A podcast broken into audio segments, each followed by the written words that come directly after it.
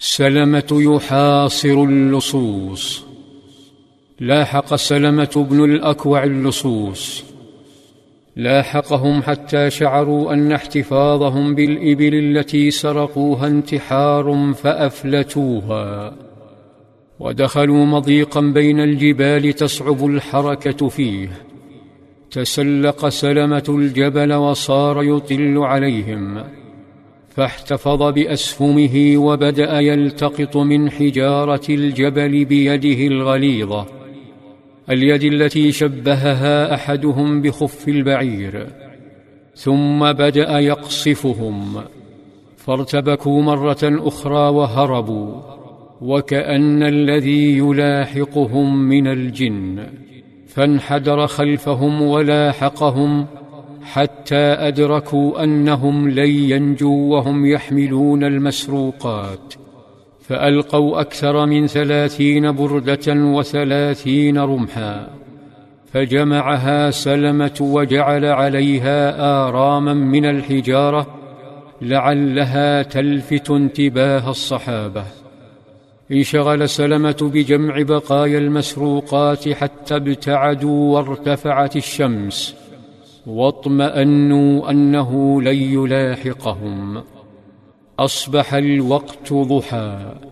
فإذا بفرد من أفراد العصابة ويدعى عيينة بن بدر يلتحق بهم سار معهم حتى توقفوا عند ثنية ثم نزلوا ليستريحوا وأنزلوا مزاودهم عن ظهور إبلهم.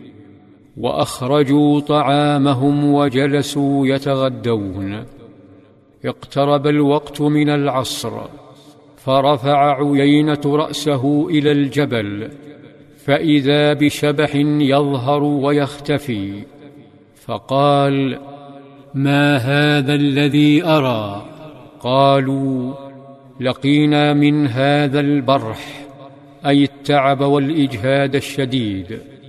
والله ما فارقنا منذ غلس يرمينا حتى انتزع كل شيء من أيدينا. أدرك عيينة أن وراءه جيشا فقال لولا أن هذا يرى أن وراءه طلبا لقد ترككم. ثم قال فليقم إليه نفر منكم أربعة. نهض أربعة لصوص وتسلحوا وتسلقوا نحو سلمة ولما اقتربوا منه صاح مهددا أتعرفونني؟ قالوا لا ومن أنت؟ قال أنا سلمة بن الأكوع والذي كرم وجه محمد لا أطلب رجلا منكم إلا أدركته. ولا يطلبني رجل منكم فيدركني. أيقن الأربعة بحتفهم فقال أحدهم أنا أظن. ثم انحدروا خائفين وبدأوا لملمة أشيائهم. وما هي إلا دقائق.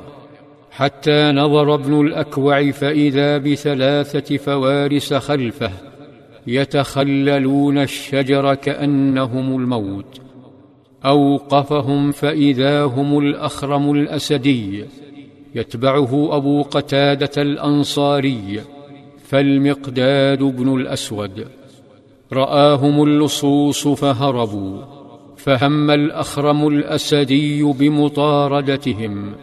فأمسك سلمة بزمام فرسه وقال يا أخرم احذرهم لا يقتطعوك حتى يلحق رسول الله وأصحابه. فناشده الأخرم قائلا يا سلمة إن كنت تؤمن بالله واليوم الآخر وتعلم أن الجنة حق والنار حق فلا تحل بيني وبين الشهادة.